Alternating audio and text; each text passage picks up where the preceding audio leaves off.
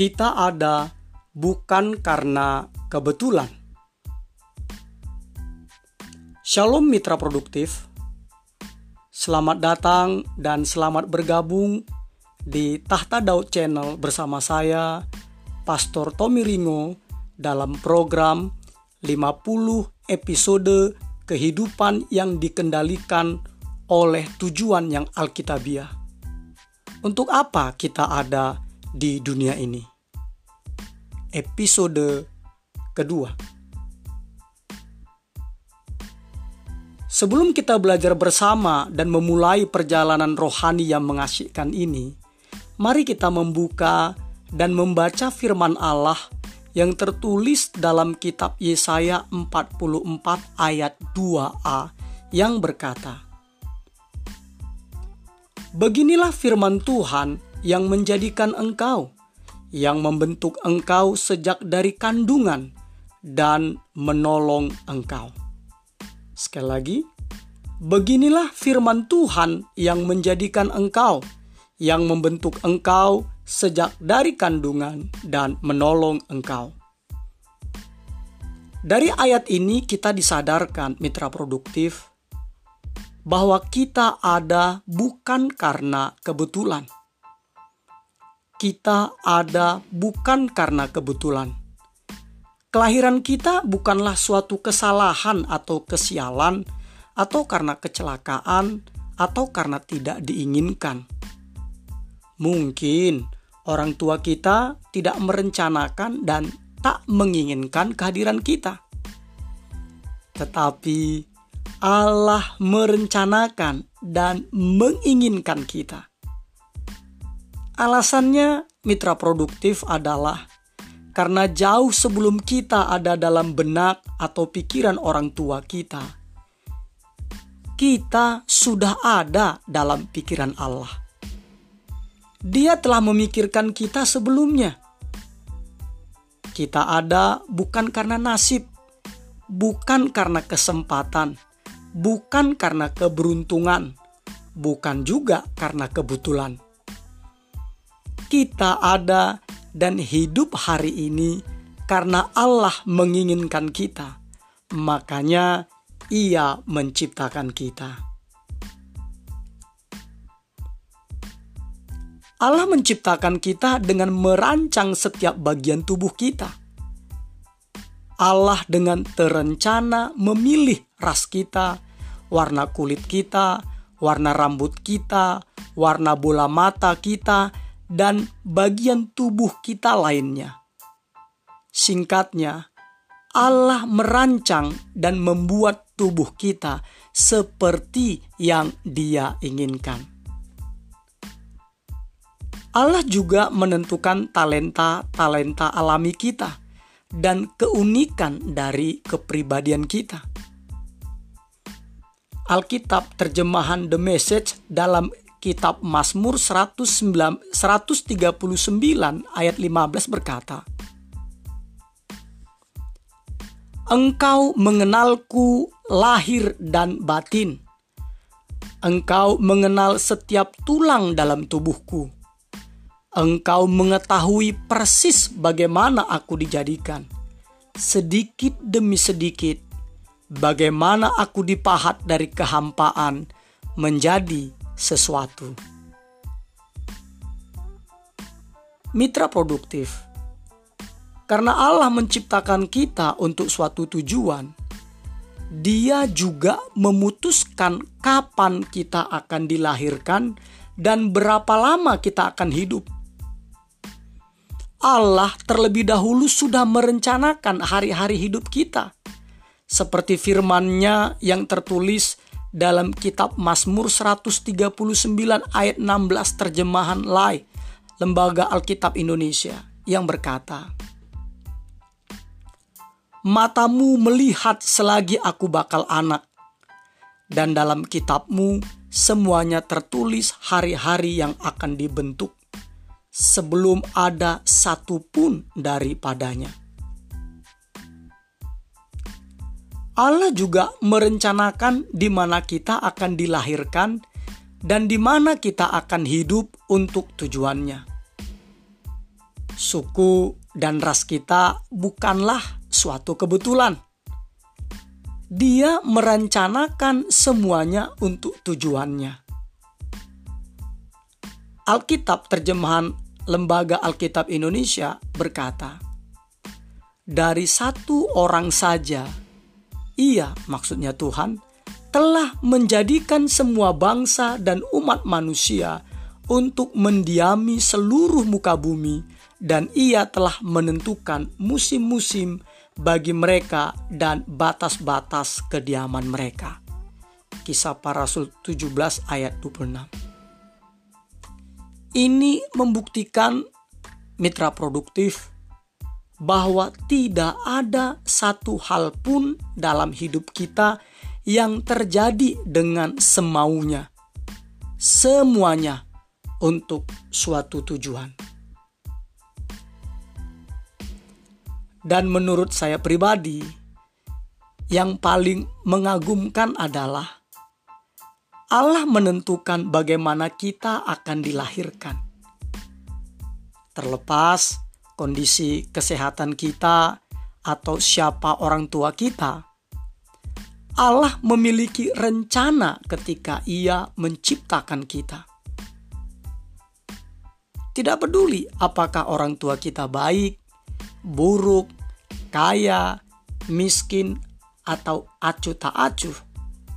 Allah tahu bahwa kedua orang tua kita itu memiliki sifat-sifat genetik yang tepat. Orang tua kita memiliki DNA yang Allah inginkan untuk menciptakan kita. Terlepas kita dilahirkan di luar nikah, kita adalah anak-anak sah. Perbuatan orang tua kita lah yang haram, bukan kita boleh kita dilahirkan di luar nikah dan tidak direncanakan oleh orang tua kita. Tetapi bukan berarti kita tidak direncanakan oleh Allah. Ingatlah mitra produktif. Allah tidak pernah melakukan apa pun secara kebetulan. Dia tidak pernah membuat kesalahan dia memiliki alasan untuk segala sesuatu yang dia ciptakan. Dan motivasi Allah menciptakan kita semata-mata adalah karena kasihnya. Alkitab terjemahan The Message berkata, Jauh sebelum dunia dijadikan, Allah telah merancang kita di dalam pikirannya, menetapkan kita sebagai pusat kasihnya. Efesus 1 ayat 4a. Bahkan Allah memikirkan kita sebelum dia menciptakan dunia. Malah Allah menciptakan dunia ini supaya kita bisa hidup di dalamnya Intinya adalah mitra produktif. Kita adalah pusat kasihnya yang paling berharga dari semua ciptaannya. Sekali lagi saya katakan, kita adalah pusat kasihnya yang paling berharga dari semua ciptaannya. Alkitab terjemahan Lai berkata, atas kehendaknya sendiri, ia telah menjadikan kita oleh firman kebenaran, supaya kita pada tingkat yang tertentu menjadi anak sulung di antara semua ciptaannya. Yakobus 1 ayat 18. Luar biasa mitra produktif. Allah begitu mengasihi dan menghargai kita. Haleluya. Allah begitu mengasihi dan menghargai kita. Dan puji Tuhan, semakin canggih ilmu pengetahuan dan teknologi, semakin baik bagi kita untuk memahami betapa alam semesta ini unik dan tepat bagi keberadaan kita. Hal ini diungkapkan oleh Dr. Michael Denton, seorang peneliti senior dalam bidang genetika molekular manusia di Universitas Otago, New Zealand. Beliau menyimpulkan, semua bukti yang ada dalam ilmu biologi mendukung gagasan ini bahwa kosmos dirancang secara khusus untuk kehidupan dan umat manusia sebagai tujuan dan sasaran utamanya. Sebuah keutuhan di mana semua sisi realita mempunyai arti dan penjelasan dalam fakta sentral ini. Lihat, beliau katakan bahwa semua bukti yang ada dalam ilmu biologi mendukung gagasan inti. Apa tuh gagas gagasan intinya? Bahwa kosmos dirancang secara khusus untuk kehidupan dan umat manusia sebagai tujuan dan sasaran utamanya. Nah, pertanyaannya, mengapa Allah melakukan semuanya ini? Mengapa Allah menciptakan alam semesta ini sedemikian rupa untuk kita? Mitra produktif, Alasannya adalah karena Allah adalah kasih. 1 Yohanes 4 ayat 8 dan 16. Allah adalah kasih. Allah menciptakan kita sebagai objek khusus dari kasihnya.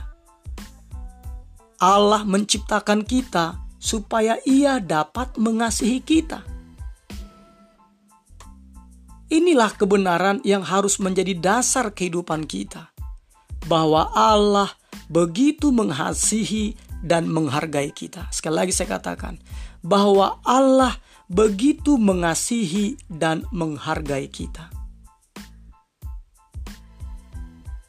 Alkitab terjemahan Lai berkata, "Dengarkanlah aku, hai orang-orang yang kudukung sejak dari kandungan." Hai orang-orang yang kujunjung sejak dari rahim, sampai masa tuamu aku tetap dia, dan sampai masa putih rambutmu aku menggendong kamu. Aku telah melakukannya dan mau menanggung kamu terus. Aku mau memikul kamu dan menyelamatkan kamu. Yesaya 46 ayat 3 sampai 4.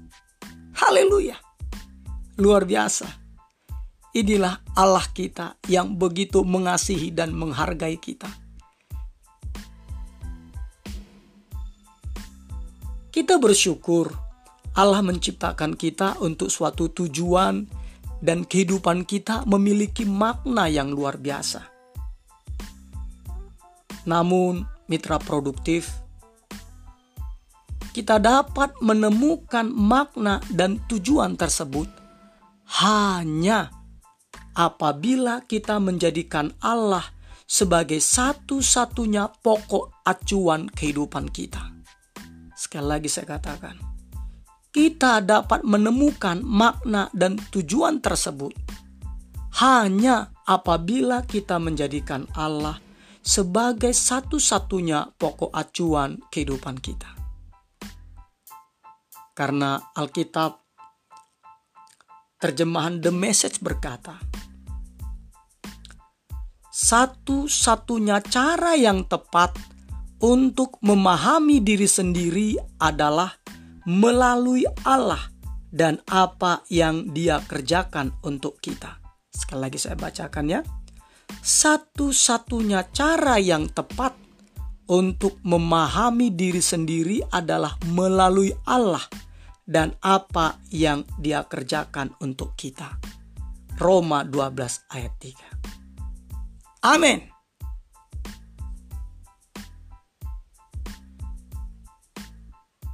Episode kedua. Berpikir dan merenungkan tujuan hidup kita. Nilai-nilai atau prinsip-prinsip yang harus kita pikirkan dan renungkan adalah kita ada ternyata bukan karena kebetulan. Kita ada ternyata bukan karena kebetulan. Dan ayat untuk kita ingat adalah Yesaya 44 ayat 2 bahasa Indonesia masa kini yang berkata demikian. Akulah Tuhan yang menjadikan engkau yang membentuk engkau sejak dari kandungan dan yang menolong engkau.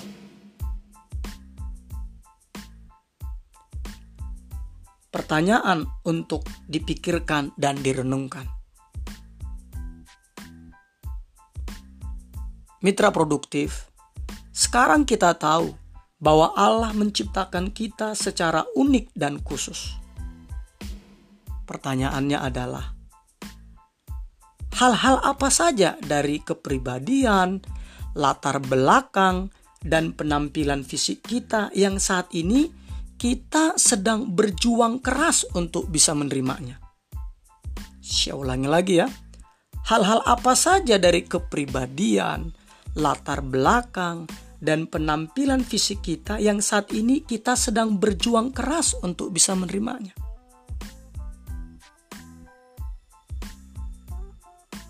akhir kata.